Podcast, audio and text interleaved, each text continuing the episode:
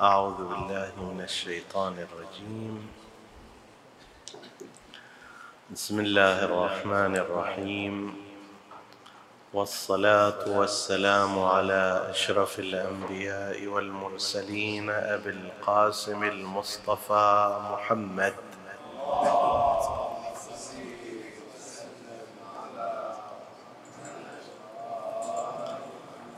وعلى آل بيته الطيبين الطاهرين المعصومين المكرمين.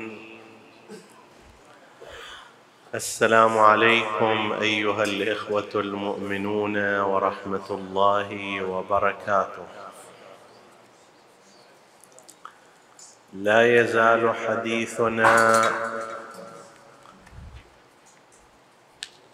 في موضوع ثواب الأعمال وعقاب الأعمال. ثواب الأعمال الصالحة وعقاب الأعمال السيئة. ويتناول حديثنا هذا اليوم موضوع الصيام ونعني به الصيام الواجب. فإنه كما تترتب مثوبات عليه تترتب في المقابل عقوبات على تركه. أذكر هنا بما سبق أن أشرنا إليه أن بعض العقوبات التي يتراءى بادئ النظر إليها أنها كبيرة وعظيمة بالقياس إلى ترك فعل من الأفعال كالخلود مثلا في نار جهنم. من ترك صلاته مثلا مدة أربعين سنة خمسين سنة يعذب في نار جهنم خالدا فيها يعني بلا حد للزمان. هذا معنى الخلود. يتساءل البعض مثلا أنه كيف هذا عصى خالف مقدار أربعين سنة خمسين سنة أو حتى طول عمره. بينما سيعاقب ملايين السنين أو أكثر من ذلك. وقد ذكرنا في حينها بعض الأجوبة التي تصلح لجهة الثواب وتصلح لجهة العقاب. تماما مثلما أنه في جهة الثواب من مثلا صلى طول عمره منذ أن كلف إلى أن توفي.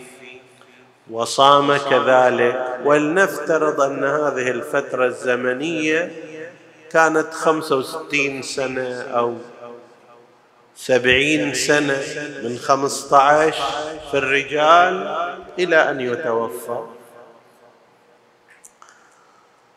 هذا يعوض عنها بالخلود في الجنة ولهم فيها ما تشتهيه الأنفس. كيف هنا العطاء بلا حدود؟ كذلك هو هناك. أضف إلى ذلك أن في جانب العقوبة والمعصية والترك تارة ننظر إلى القضية في شكلها الظاهري. نقول فلان ترك صلاة الصبح متعمدا. وفلان ترك صوم شهر رمضان متعمدا. كلها فترة من الزمان بسيطة. هذا النظر الظاهري لها. وتارة ننظر إليها بحقيقتها وواقعها. فنقول هذا الإنسان الذي لم يكن له نصيب في الوجود أصلا. هل أتى على الإنسان حين من الدهر لم يكن شيئا؟ مذكورا أصلا كان من الممكن هذا الإنسان أن يكون قطعة دم جافة في خرقة من الخرق. تنتهي. أو نطفة ان يكون نطفة مذرة. تستهلك في ورق النشاف. ولا اسم ولا أصل ولا وجود له على الإطلاق. وانئذ من يحاسب من لو أنك لم يقدر الله لك الوجود أصلا. أصلا لم يكن في قدر الله أن توجد. أكو أحد يحاسب الله ليش ما أوجدت هذا الإنسان؟ ليش ما خلقته ابدا. لم يكن لك ولا لي على الله حق في الوجود أصلا. تفضل ربنا فخلقنا من ماء مهين ثم رعانا رعاية لحظية نمى فينا كل شيء دقيقه دقيقه ولحظة لحظة وشهرا شهرا وسنة سنة إلى أن اعتدلت مرتي كما يقول الإمام الحسين في دعاء عرفة. صار عندي قوة صار عندي قدرة صار عندي كذا. آتاك الله من النعم ما لا تستطيع إحصاءه. أعطاك العين ولم يكن لك حق في ذلك والقلب ولم تكن مستوجبا لذلك. والقوة ولم يكن مجبورا على ذلك.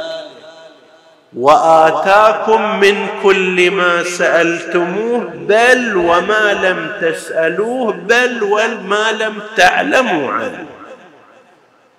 الآن هل سألت ربك يا رب؟ خلي شراييني بهالطريقة وأوردتي بهالطريقة وأجهزة الداخلية بهالطريقة اللي هي في أحسن تقويم. أصلا أنت ما تدري عنها.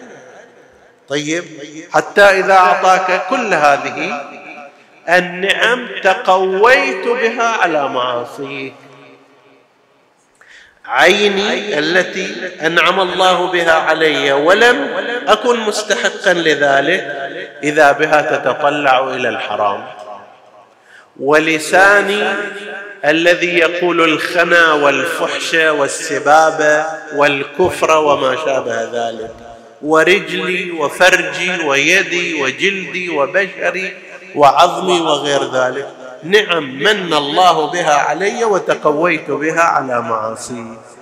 إذا واحد يجيبوه بهالنوع هذا كل شيء فيه هو نعمة من الله عز وجل غير مستحقة من قبله غير لازمة له هي فضل من الله عليه. طيب. ثم يأتي هذا الإنسان الذي لم يكن له حول ولا قوة ولا عقل ولا وجود ولا قيمة أصلا يتحدى ربه بالمبارزة بأنه أنا لا لا أطيعك. تقول لي صوم أقول لك لا ما أصوم. صلي.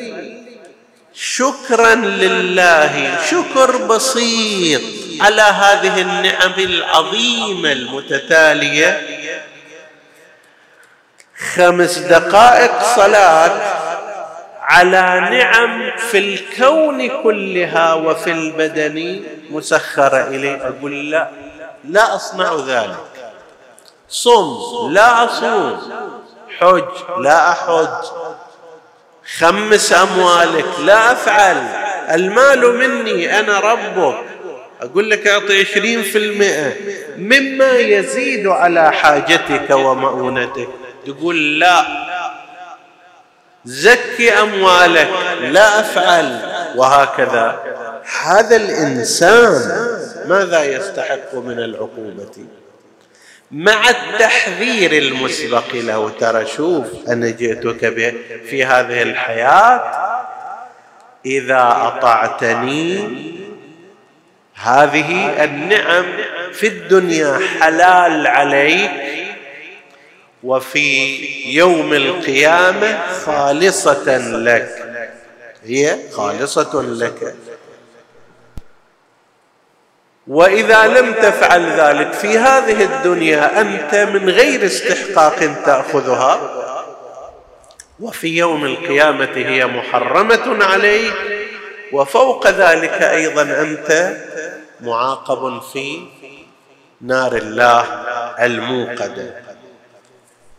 هذه إشارة إلى أن قضية العصيان ليست بحجم الذنب الذي يرتكبه الإنسان وإنما بحجم الله بحجم التحدي له بحجم رفض النعم التي أنعم الله بها على هذا الإنسان. الصوم هو واحد من تلك الواجبات التي أمر الله بها الإنسان. جعل فيه فسحة للصوم المستحب وقال إذا صام الإنسان المستحب له من الأجر كذا وكذا ولا سيما في هذين الشهرين رجب وشعبان بل في سائر الشهور.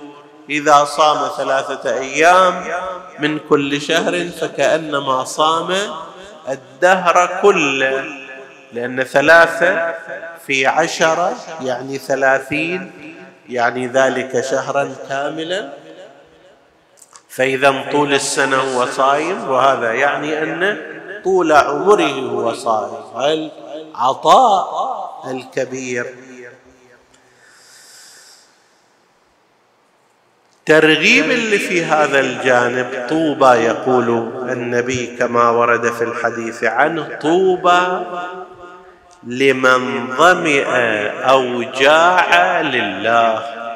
الإنسان يظمأ ويجوع ولكن مرة يكون الظمأ والجوع لجهات طبيعية رايح إلى مشوار ما حصل ماي هذا يظمأ يجوع. مرة لا هو يختار ذلك الماء إلى جانبه والطعام عنده. ومع ذلك هو من أجل الله عز وجل واتباعا لأمره يترك هذا. هذا له طوبى. وفي النصوص الدينية عادة الإشارة بطوبى إلى درجة من درجات الجنة العاليات.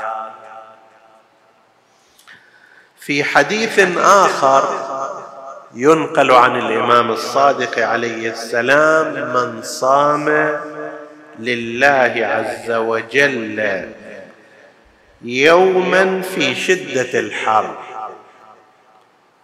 قد يكون هذا اليوم يوم مستحب وقد يكون يوما من أيام شهر رمضان الواجب هنا ما في تحديد. فأصابه ظمأ وكل الله به. ألف ملك يمسحون وجهه ويبشرونه حتى إذا أفطر قال الله عز وجل ما أطيب ريحك وروحك ملائكتي؟ اشهدوا أني غفرت له أو قد غفرت له. غير قرب الملائكة منه. وهاي الصورة التي قد لا تكون صورة حرفية أنه الملك مثلا يمسح عليه بحيث إحنا نشوفه أو كذا لا هذه عوالم مخفية عنا ولكن تشير إلى شدة الاهتمام والعناية. لاحظ مثلا ذول الرياضيين إذا يركضون في مكان يعطشون يتعرقون. أول ما يتلقون هاي المناشف المبللة أو المبردة أو غير ذلك لتخفيف هذا العناء. هذا لا يصنعه إنسان وإنما تصنعه الملائكة. زين. في مقابل هذا والعياذ بالله من يترك الصيام الواجب. في الحديث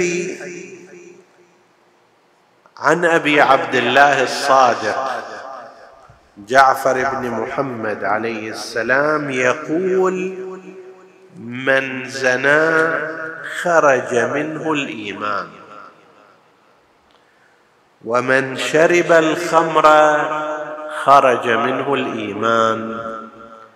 ومن أفطر يوما من شهر رمضان متعمدا خرج منه الإيمان أو خرج من الإيمان. عندنا إسلام وعندنا إيمان. إذا الإنسان أفطر متعمدا مستحلا لذلك. يقول الصوم واجب أصلا من يقول الصوم؟ واجب لا اعترف بوجوب الصوم. طيب القرآن يقول صريح نبينا المصطفى محمد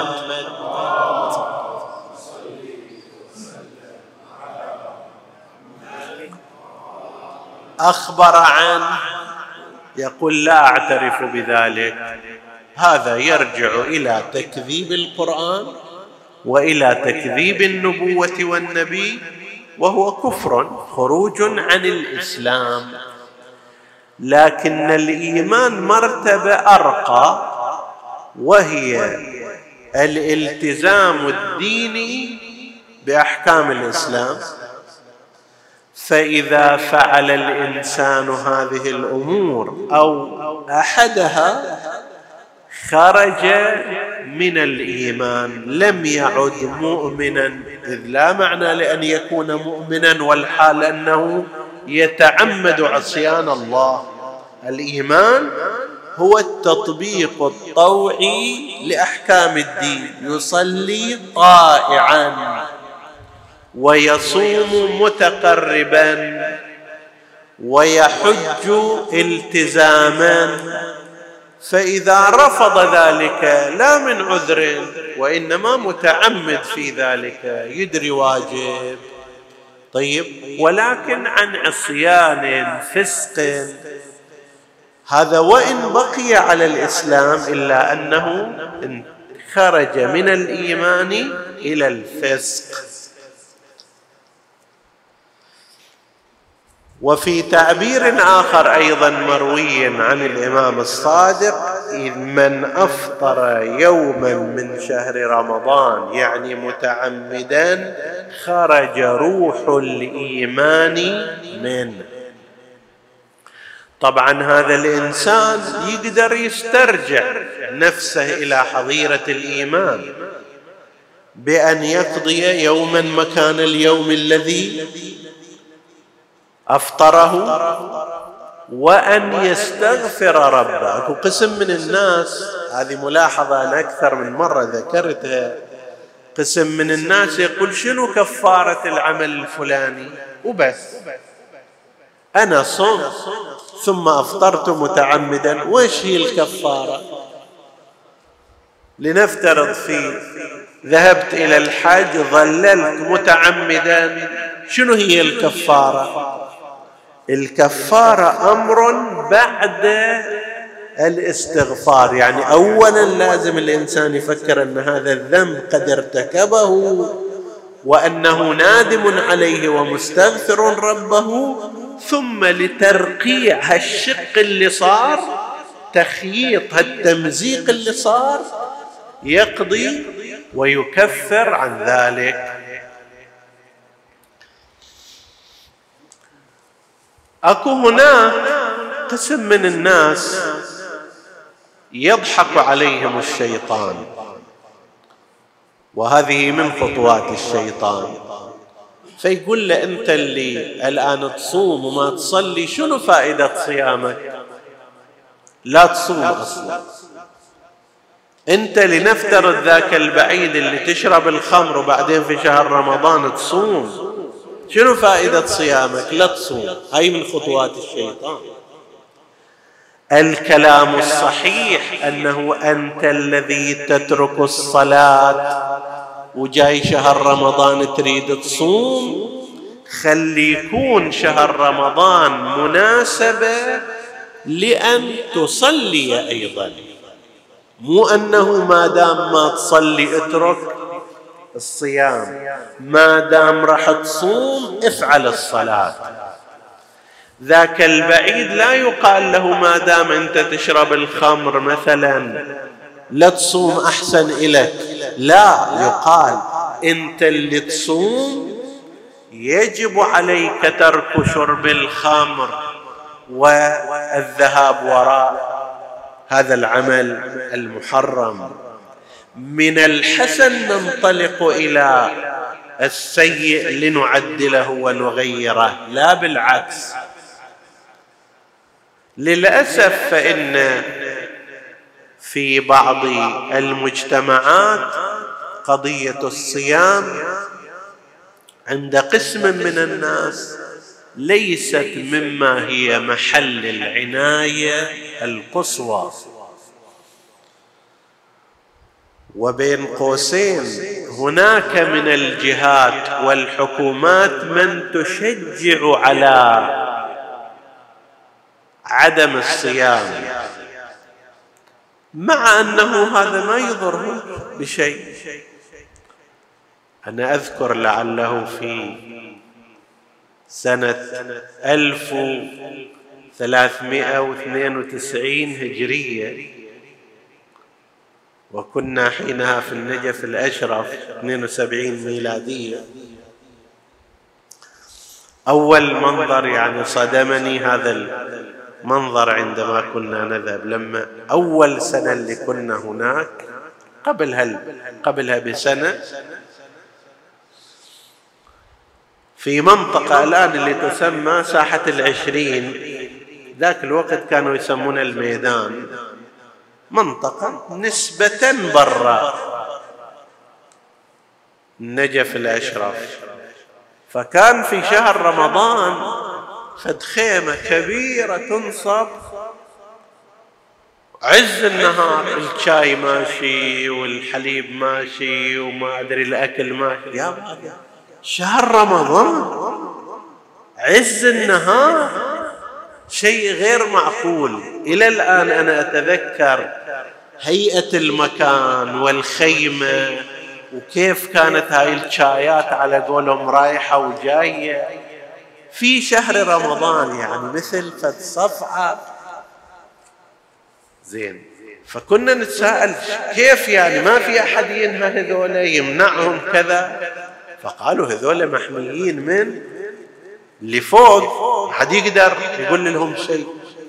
زين. هذه الحكومات التي تعارض الصيام مثلا وتحمي المفطرين شنو مصلحتها في محاربة الله عز وجل؟ الآن الحمد لله كثير من البلاد الإسلامية ومنها بلادنا لا قضية الصيام طابع اجتماعي وديني ويشكل نوع من أنواع الضغط حتى على الإنسان المعذور لا يتجاهر بالافطار حتى المعذور وعندنا أيضا حكم شرعي في هذا أنه شيء إذا أوجب هتك حرمة الشهر هذا غير جائز. أنت لنفترض مريض معذور هذه امرأة حائض معذورة. بس لا تسوي هالإفطار على رؤوس الناس اللي يؤدي إلى هتك حرمة شهر رمضان. مما يتناقل في الأخبار الصين مثلا من ضمن تضييقاتها على المسلمين أنها ما تسمح بقضية الصيام.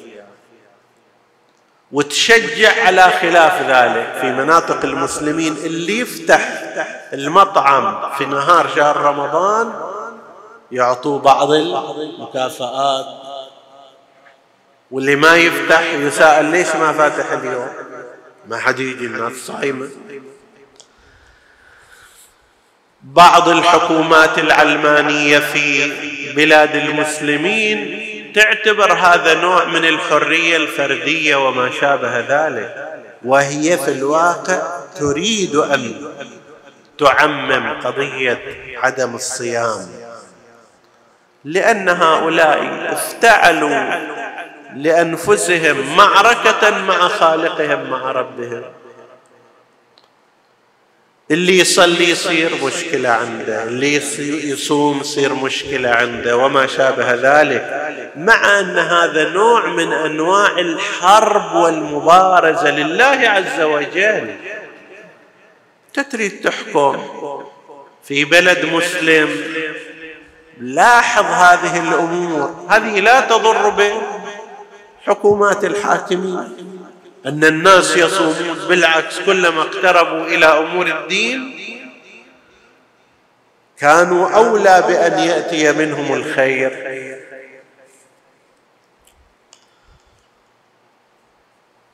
ينبغي للإنسان المؤمن والمؤمنة التهيؤ لشهر رمضان. بالصيام فيما قبله. وهنا أشير إلى ملاحظة وهي ترتبط بقضية التكليف الشرعي للفتيات. تعلمون أن الرأي المشهور عندنا الإمامية الذي يفتي به مراجع التقليد أن بلوغ الفتاة بإكمال تسع سنوات قمرية. كمل تسع سنوات؟ تدخل في العاشرة. هذه من الناحية الشرعية. عندنا الإمامية. بناء على الرأي المشهور الآن بين العلماء أصبحت بالغا. أصبحت بالغة. وبالتالي تتوجه إليها شنو؟ كل الواجبات. يجب عليها الصلاة يجب عليها الصيام. بالنسبة إلى الصلاة أمرها عادة أسهل مع أنه إذا لم يتم تعويدها على الصلاة من قبل هذه المدة تستثقل. فأنت وأنت أيتها الأم إذا كان لديكما فتاة. حاولوا من سن سبع سنوات ست سنوات تبدأ تتحفظ الصلاة تصلي تتعلمها. الشيء الأصعب عادة هو قضية الصوم. الصوم في بعض أحيان في بعض المناطق يمتد إلى فترة تصل ربما إلى 16 ساعة أكثر أقل وفي بعض الأماكن يكون الجو حارا وهذه بعد عمرها عشر سنوات.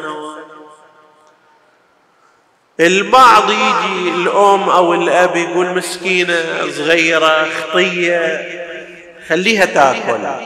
هذا غير جائز. لا يجوز للأب ولا للأم أن يجتهدا من تلقاء نفسيهما بأن يفطروا الفتاة.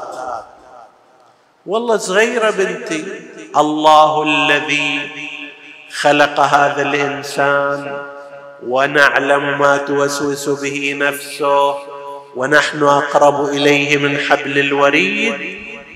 الله العالم بكل شيء. خلق هذا الإنسان وأوجب عليه واجبات في سن معينه أكيد ما كان ربنا غافلا عن أن البنت تقدر أو ما تقدر. صحيح ولا لا؟ وما كان ربك نسيا.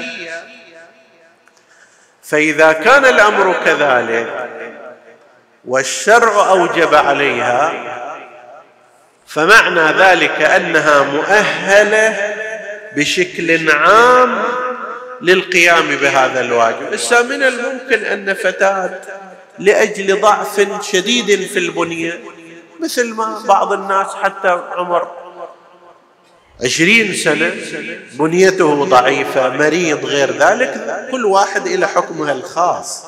لكن بشكل عام يجب على الوالدين أن يهيئا الفتاة لقضية الصيام. لنفترض قبل تكليفها فعلا يخلوها تصوم مثلا نصف النهار قبل ما يجي شهر رمضان. رجب شعبان بعض الأيام يقول له جربي إلى الظهر. بعد ذلك لتأكل ما لأنه مو واجب عليها يوم آخر جربي إلى الساعة ثنتين. وهكذا بالتدريج إلى أن تقبل على شهر رمضان وهي قادرة على الصيام. لو فرضنا فرضا أنها لا هذه بعد صامت هذا اليوم الأول بعد كذا من الساعات تسقط من الأعياء. تدمر حالتها ذاك الوقت فلتشرب إذا كان يكفيها الشرب ما يكفي بهالمقدار هذا. لكن أيضا عندما تكبر بعدين عليها أن تقضي هذا اليوم. والإنسان إذا استقوى على الشيء على الصعوبة والتعب قواه الله. وإذا استسلم تراجع. ليكون مع أول يعني شعور الفتاة بالتعب بالجوع. هاي الأمة تقول مسكينة وما تقدر وبنتي وذاك راحت تموت وصارت زرقاء وصارت ما أدري كذا وجيبي إليها صحن الهريس. وإنما على فرض أنها تتعب تعبا شديدا لا يتحمل ذاك الوقت بمقدار بسيط تستطيع أن تشرب أو تأكل لكن أيضا يجب عليها القضاء فيما بعد. المهم يجب على الآباء الكرام والأمهات الكريمات تهيئة الفتيات خصوصا كما قلنا لأنه مبكر. الشاب ما شاء الله يصير عمره 15 سنة لا بعد. جسمه وبدنه وكذا مهيئ. يحتاج الفتاة إلى تهيئة بهذا المعنى حتى يمر عليها الصوم بأقل الأضرار الممكنه ولا يصير عليها قضاءات كثيرة. وبالنسبة إلى النساء الأخريات ليبادرن الآن من كانت عليه من كان عليها قضاء لأعذار سابقة لتبادر قبل أن يأتي شهر رمضان. بعضهم يقول والله أنا علي ما أدري. كذا يوم من السنة الماضية. الآن باقي أسبوع مثلا جاءتني الدورة الشهرية. شو أسوي كذا؟ طيب سنة كاملة أنت طول هالوقت ما كان عندك فكرة في الصوم إلى أن تضايق. هالوقت وجاءت الدورة وصلتي معذورة لا لا بد من القضاء. بعد هذا شهر رمضان وهم عليك فدية تأخير. نعم لو واحدة مريضة استمر بها من شهر رمضان الماضي إلى هذا شهر رمضان. بحث آخر. نسأل الله سبحانه وتعالى أن يوفقنا وإياكم لكي نوقر أمام الله أوامر الله. الله سبحانه وتعالى على لسان أنبيائه يخاطب هؤلاء يقول ما لكم لا ترجون لله وقارا وقد خلقكم أطوارا. الله نقلك من مرحلة إلى مرحلة ومن حالة إلى حالة إلى أن أعطاك هذا الاستواء وهذا القوام وهذا البدن وهذا العاقل طيب لماذا لا توقر أوامر الله؟ لماذا لا تحترم واجبات الله عز وجل عليك؟ نسأل الله سبحانه وتعالى أن يجعلنا وإياكم من خيرة عباده. إنه على كل شيء قدير.